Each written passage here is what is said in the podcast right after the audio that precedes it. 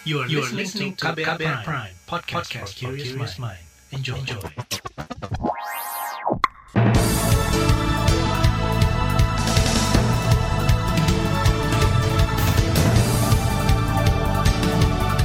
Selamat pagi saudara, senang sekali kami bisa menjumpai Anda melalui program Buletin Pagi, edisi Jumat 12 November 2021 bersama saya Roni Sitanggang.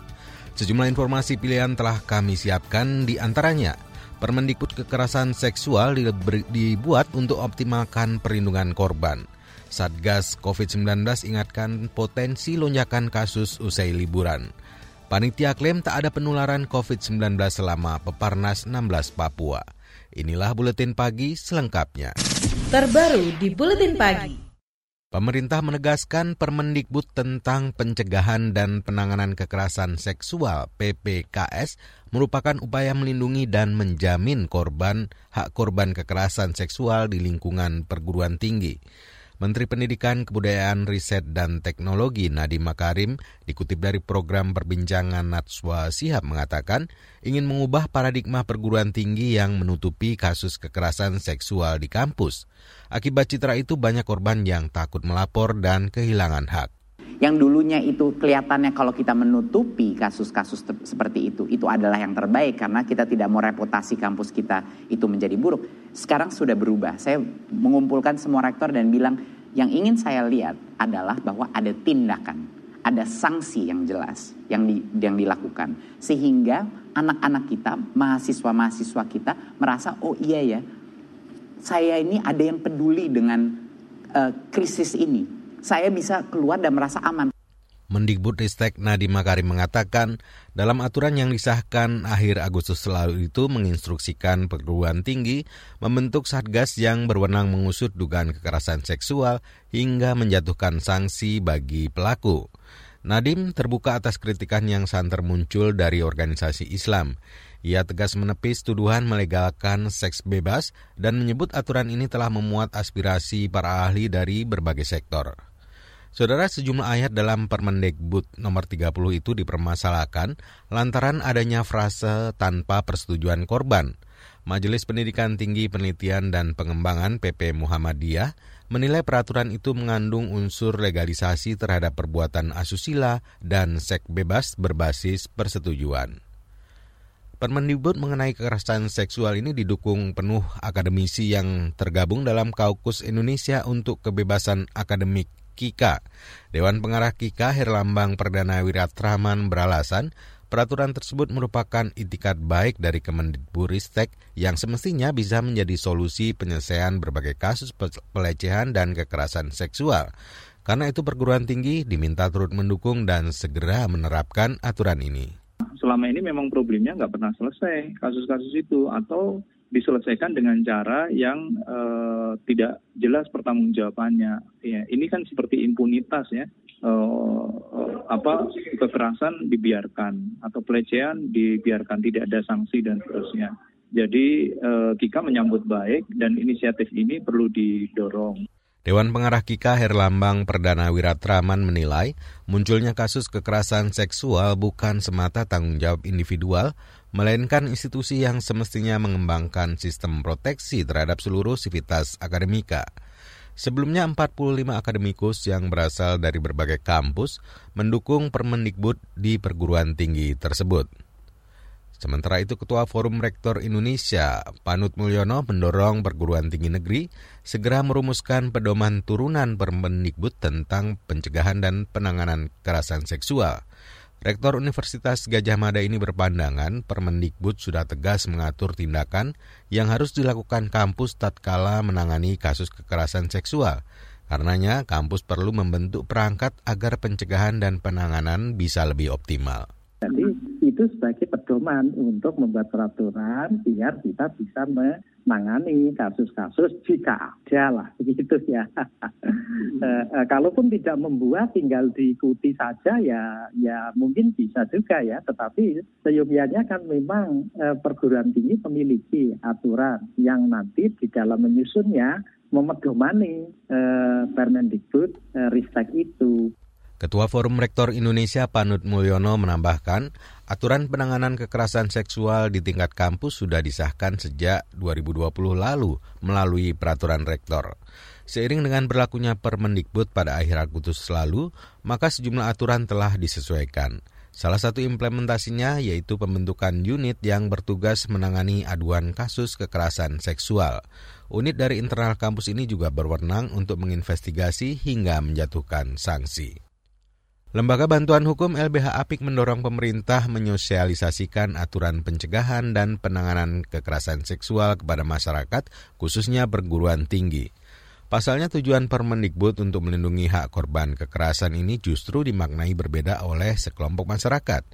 Koordinator Pelaksana Harian Asosiasi LBH Apik Indonesia, Kotimum Sutanti menegaskan, aturan ini merupakan payung hukum bagi korban yang selama ini rawan didiskriminasi hingga dikriminalisasi. Jadi memang uh, itu sepertinya apa ya harus banyak dialog, banyak diskusi, dan banyak mendampingi kayaknya sih Mbak. Karena itu nggak bisa langsung begitu aja ya, kampus itu langsung bisa bikin sendiri gitu.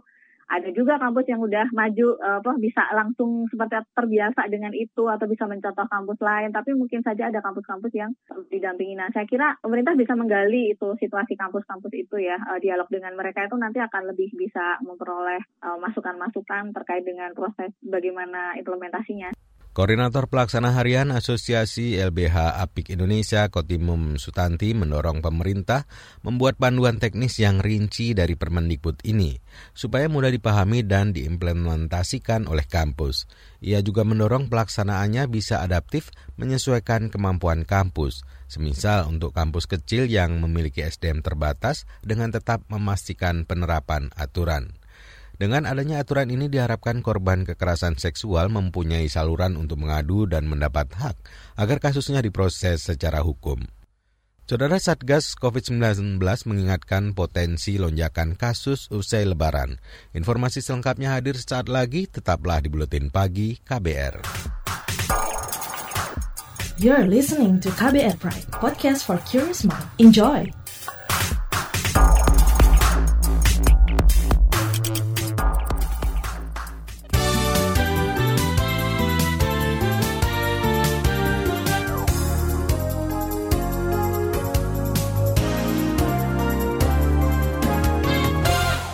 Anda mendengarkan buletin pagi KBR. Satuan Tugas Satgas Penanganan COVID-19 meminta pemerintah daerah mengantisipasi dan bersiaga menghadapi potensi kenaikan kasus jelang libur Natal dan Tahun Baru. Juru bicara Satgas, Wiku Adhisa Smito mengatakan masa libur panjang selalu disertai lonjakan kasus di tanah air. Semisal saat momen libur Idul Fitri dua tahun terakhir, libur kolektif Maulid Nabi dan Natal tahun lalu. Periode liburan panjang adalah tantangan bagi kita semua. Berkaca dari pengalaman, Indonesia belum pernah berhasil melewati periode tersebut tanpa kenaikan kasus. Juru bicara Satgas COVID-19 Wiku Adhisa Smito mencatat, mencatat kenaikan yang tajam terjadi usai libur Maulid Nabi dan Natal dengan tambahan kasus harian mencapai sekitar 5.500. Sedangkan saat libur Idul Fitri tahun ini bertambah 47.000 kasus baru per hari. Lonjakan kasus itu diperparah dengan penyebaran varian Delta yang lebih mudah menular dibanding varian sebelumnya. Komisi Pemberantasan Korupsi KPK menetapkan dua pejabat Dirjen Pajak Kementerian Keuangan sebagai tersangka suap dan gratifikasi terkait dengan pemeriksaan. Wakil Ketua KPK Nurul Gufron mengatakan kasus ini merupakan hasil pengembangan perkara yang menjerat bekas Direktur Pembina Pemeriksaan dan Penagihan Angin Praitno Aji. Dua tersangka ini adalah Kepala Kantor Pelayanan Pajak Pratama Bantaeng Wawan Ridwan dan fungsional pemeriksa pajak pada kantor wilayah DJP Jawa Barat 2 Alfred Simanjuntak. Kronologis penangkapan pada Rabu tanggal 10 November 2021 sekitar pukul 13 Wita, tim penyidik KPK mendatangi tersangka WR yang sedang berada di kantor di kota Makassar. Selanjutnya tim menangkap tersangka WR Penangkapan ini dilakukan guna mempercepat proses penyidikan karena KPK menilai dalam proses penyelesaian per, penyidikan perkara pajak dimaksud tersangka WR tidak kooperatif. Wakil Ketua KPK Nurul Gufron menduga tersangka telah menerima suap sebesar 57 miliar rupiah. Dalam kronologi perkara, suap itu diberikan tiga wajib pajak kepada Wawan bersama Alfred untuk memainkan penghitungan pajak agar menguntungkan kedua belah pihak. Pemerintah mengenjot pemulihan sektor ekonomi pariwisata yang terdampak pandemi COVID-19. Wakil Menteri Pariwisata dan Ekonomi Kreatif Angela Tanusudibyo mengatakan kebangkitan pariwisata tanah air harus diupayakan bersama pihak terkait, sebab sektor ini dinilai masih strategis dalam pemulihan ekonomi nasional dan penciptaan lapangan pekerjaan. Di antaranya dengan peningkatan kapasitas SDM melalui program reskilling, upskilling, dan entrepreneurship, lalu revitalisasi destinasi pariwisata dan infrastruktur ekonomi kreatif, peningkatan resiliensi dan daya saing usaha melalui pemberian insentif, akses permodalan, business matching, standarisasi usaha, dan sertifikasi CHSE, serta pemulihan dan perluasan pasar melalui berbagai kampanye dan stimulus untuk wisatawan Nusantara, pemasaran produk ekonomi kreatif di dalam dan di luar negeri, itu tadi Wakil Menteri Pariwisata dan Ekonomi Kreatif Angela Tanu Sudipyo. Kemenparekraf mencatat terjadi penurunan kunjungan wisatawan mancanegara lebih 70 persen pada tahun lalu. Imbas pandemi juga mengakibatkan turunnya devisa pariwisata sekira 80 persen dan turunnya wisatawan domestik sebesar 30 persen. Satu juta lapangan pekerjaan juga hilang dari sektor ini. Pemerintah menyepakati komitmen investasi dari negara di Timur Tengah UEA sebesar 44,6 miliar dolar Amerika Serikat atau setara lebih 600 triliun rupiah. Menteri Investasi Kepala BKPM Bahlil Lahadalia mengatakan sebanyak 142 triliun akan digunakan untuk pembangunan ibu kota baru. Selebihnya digunakan untuk proyek di Sumatera, Kalimantan, Jawa, hingga Sulawesi. Tahun 2023 akhir atau paling lambat 2024 semua sudah terrealisasi. Ini komitmennya. Nah di tahun 2022 sendiri kami targetkan dari 44 ini minimal 8 billion US dollar harus terrealisasi. Kenapa? Karena contoh katakanlah air product. Air product ini sudah akan jalan di tahun 2020 Januari. Itu dengan Pertamina, dengan uh, eh, PTBA, dan air product dengan pengusaha nasional. Kemudian itu membangun DME. Menteri Investasi Kepala BKBM Bahlil Lahadalia mengatakan pemerintah berkeras merealisasikan komitmen investasi tersebut. Khusus komitmen investasi proyek ibu kota baru masih bersifat tentatif sebab belum ada kepastian sektor yang dituju beserta alokasi nilainya. Kita ke informasi mancanegara. Kementerian Kelautan dan Perikanan melakukan operasi pemberantasan pencurian ikan di perbatasan bersama penjaga perbatasan Australia ABF hingga sepekan ke depan.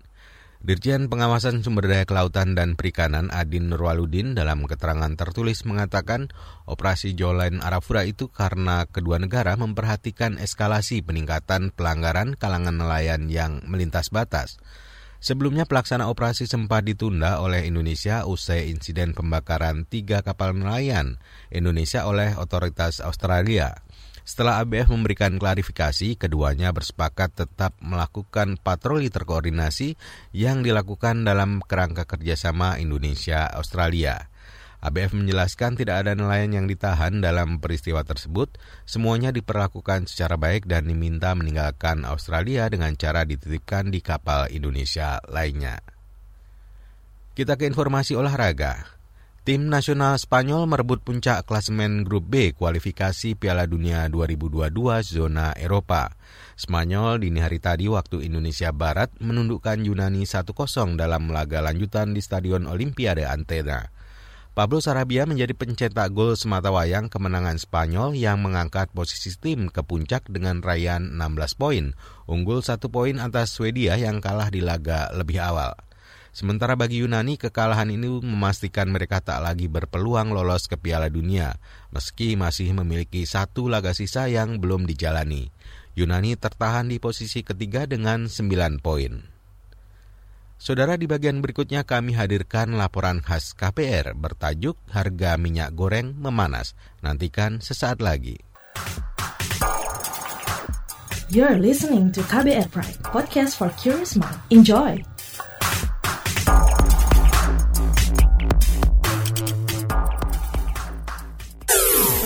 Commercial break.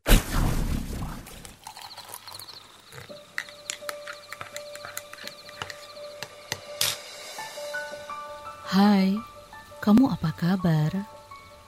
Masih suka menikmati senja dan kopi? Aku masih ingat kebiasaan kita. Sehabis pulang kerja, selalu mencari tempat untuk sekedar ngobrol dan ngopi. Tapi kadang kita kehabisan bahan obrolan. Aku masih melakukan hal yang sama sampai sekarang tanpa harus takut habis bahan buat ngobrol. Karena aku selalu mendengarkan KBR sore dari Senin sampai Jumat jam 4 sore. Ah, aku rindu. KBR Inspiratif Terpercaya.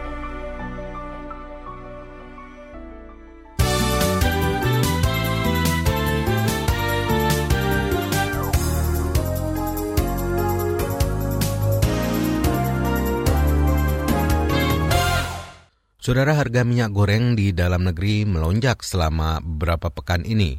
Kenaikan itu melebihi harga eceran tertinggi yang ditetapkan Kementerian Perdagangan, yakni Rp11.000 per liter untuk minyak goreng kemasan sederhana. Perubahan harga ini dikeluhkan sebagian masyarakat bahkan menjadi salah satu faktor penyebab inflasi. Selengkapnya simak laporan khas KBR disusun Sindu Darmawan. Kenaikan harga minyak goreng terjadi di sejumlah daerah di tanah air. Angka kenaikan itu bervariasi di tiap daerah sesuai dengan jenis minyak goreng. Semisal di DKI Jakarta, di ibu kota harga minyak goreng curah mencapai Rp20.000 per liter. Di Banyuwangi, Jawa Timur, harga jenis curah bahkan menembus Rp29.000 per liter dari sebelumnya Rp19.000 per liter awal November ini. Padahal harga eceran tertinggi yang ditetapkan Kemendak ialah Rp11.000 per liter untuk minyak goreng kemasan sederhana. Salah satu pedagang di pasar Banyuwangi, Misrawati mengatakan, kenaikan terjadi akibat pasokan dari agen berkurang. Akibatnya, pedagang terpaksa menaikkan harga. Dia memperkirakan harga akan terus naik hingga akhir tahun jika pasokan terus berkurang. Harga minyak 19, minyak cor, minyak tahun 17, minyak sapira 16, minyak pilma 34, Pimoli 4, Mordon 35, mulai ada satu minggu. Misrawati menambahkan, akibat naiknya harga minyak goreng, daya beli masyarakat menurun hampir 50 persen. Padahal kata dia, masyarakat tetap membeli karena minyak goreng merupakan kebutuhan sehari-hari. Kenaikan juga terjadi di Jawa Tengah. Di sana, minyak goreng curah di tiga daerah yaitu Demak, Surakarta dan Sragen berada di kisaran harga 14.300 sampai 14.560 rupiah per liter. Kepala Dinas Perdagangan dan Perindustrian Disperindak Jawa Tengah Arif Sambodo mengklaim perubahan harga itu masih wajar. Karena itu belum diperlukan tindakan intervensi ke pasar. Memang betul ada kenaikan harga minyak curah ya maupun minyak kemasan, tetapi itu lebih karena apa namanya bahan bakunya CPO kan sedang naik di dunia mbak harganya sehingga efeknya harga jual juga naik. Tapi meskipun begitu kalau jenengan lihat di pasaran ketersediaan masih banyak artinya tidak ada kelangkaan begitu. Wajar kenaikannya masih wajar. Kami belum berencana untuk melakukan tindakan karena masih koordinasi dengan pusat. Di samping itu juga kenaikannya masih relatif wajar, barangnya masih ada juga, tidak ada kelangkaan dan sebagainya. Arif menilai kenaikan harga minyak goreng curah disebabkan naiknya harga bahan baku minyak. Dia mengatakan bakal terus berkoordinasi dengan pemerintah pusat terkait naiknya harga minyak goreng curah atau tanpa merek tersebut. Sementara itu, Kementerian Perdagangan, Kemendak mengklaim sudah membahas upaya menekan harga minyak goreng di pasaran. Kemendak mengklaim pengusaha berkomitmen menyediakan harga minyak goreng terjangkau bagi masyarakat. Berikut penjelasan Direktur Barang Kebutuhan Pokok dan Barang Penting Kemendak, Isi Karim meminta mereka untuk menyediakan, untuk membantu meringankan beban masalah untuk menyediakan minyak goreng, khususnya minyak goreng kemasan sederhana melalui retail modern yang tersebar. Ini bekerja sama dengan Aprindo. Mungkin dalam waktu dekat akan apa akan ada, tapi ini masih masih kita masih pembahasan uh, tentang mekanismenya yang masih belum disepakati. Berdasar rilis Badan Pusat Statistik BPS, kenaikan harga minyak goreng memicu inflasi pada bulan September dan November, yakni 0,02 dan 0,05 persen. Kondisi tersebut disorot Lembaga Kajian Ekonomi Indef. Menurut peneliti Indef bidang makanan dan energi, Rusli Abdullah, kenaikan itu imbas sejumlah faktor, antara lain fenomena lanina dan pandemi COVID-19. Situasi ini kemudian dimanfaatkan sejumlah pihak dengan menaikkan harga. Karena itu, pemerintah perlu menstabilkan harga, salah satunya dengan koordinasi antara pusat dan daerah. Karena gubernur, Mbak, bupati, tim pengendalian inflasi daerah Nah itu pasti tahu tuh mereka udah tahu nih daerah mana yang penghasil ini, daerah mana yang tidak penghasil ini, daerah mana yang langganan inflasi ini, daerah mana yang langganan inflasi cabai, daerah mana yang langganan inflasi uh, ini mbak mereka tahu semua di level kabupaten. Tapi perlu ada tambahan mbak masalah daerah mana yang rawan longsor, rawan apa bencana. Sehingga bisa jadi bisa diantisipasi lebih lanjut. Menurut Rusli, koordinasi dengan pemerintah daerah terkait stok dan distribusi bahan pokok merupakan kunci utama memastikan stabilitas harga pangan. Demikian laporan khas KBR, saya Fitri Anggreni. Informasi dari berbagai daerah akan kami hadirkan usai jeda berikut ini. You're listening to KBR Pride, podcast for curious mind. Enjoy!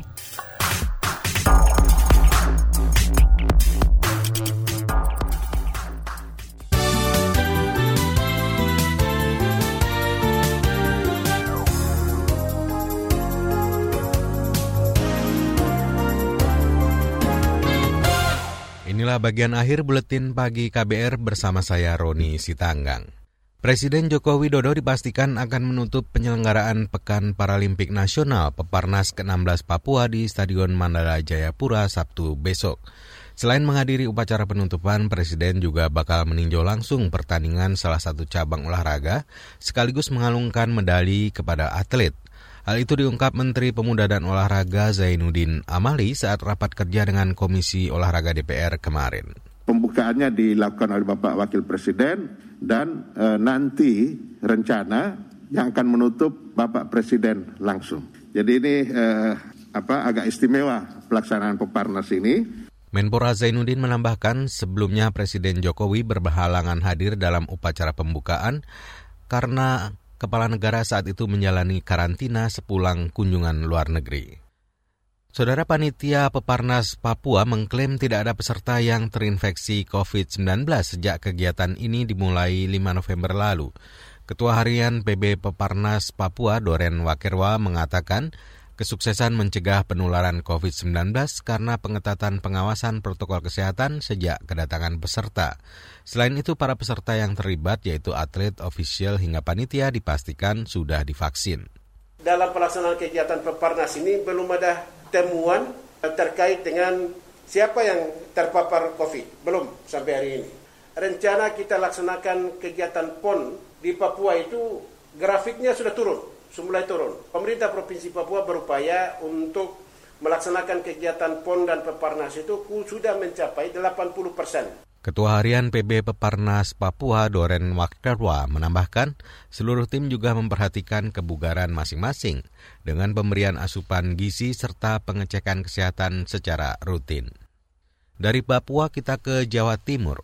Banjir di Kabupaten Jember menyebabkan sekitar 200 warga di empat kecamatan mengungsi. Kepala Bidang Kedaruratan dan Logistik BPBD setempat Heru Widakdo mengatakan saat ini ketinggian air mencapai hampir 1 meter.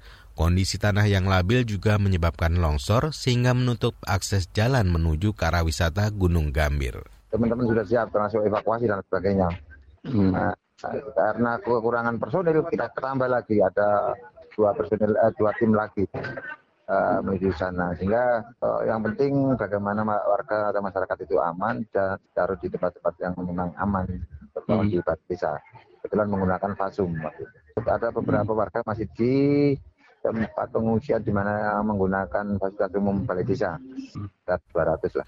Kepala Bidang Kedaruratan dan Logistik Badan Penanggulangan Bencana BPBD Jember, Jawa Timur, Heru Widakdo menambahkan, penyebab banjir yaitu meluapnya sungai Tanggul akibat diguyur hujan lebat pada Rabu malam. BPBD mencatat kerugian material meliputi 116 rumah, satu unit rumah ibadah, satu jembatan, dan satu gedung sekolah rusak. Masyarakat diimbau tetap waspada adanya potensi banjir dan longsor susulan. Kita ke Nusa Tenggara Timur.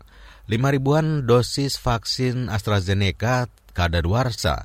Ribuan dosis vaksin yang tersebar di sejumlah kabupaten dan kota itu memiliki masa kedaluarsa hingga akhir bulan lalu. Padahal Dinas Kesehatan setempat baru menerima pada pertengahan bulan lalu. Kepala Dinas Kesehatan NTT, Mese atau Pah, mengatakan ribuan vaksin itu tidak bisa digunakan. Alhasil, vaksin itu dimusnahkan agar tidak disalahgunakan. Saudara informasi tadi menutup jumpa kita di Buletin Pagi KBR. Pantau juga informasi terbaru melalui kabar baru, situs kbr.id, Twitter kami di akun @beritaKBR, serta podcast di alamat kbrprime.id. Akhirnya saya Roni Stanggang bersama tim yang bertugas undur diri. Salam.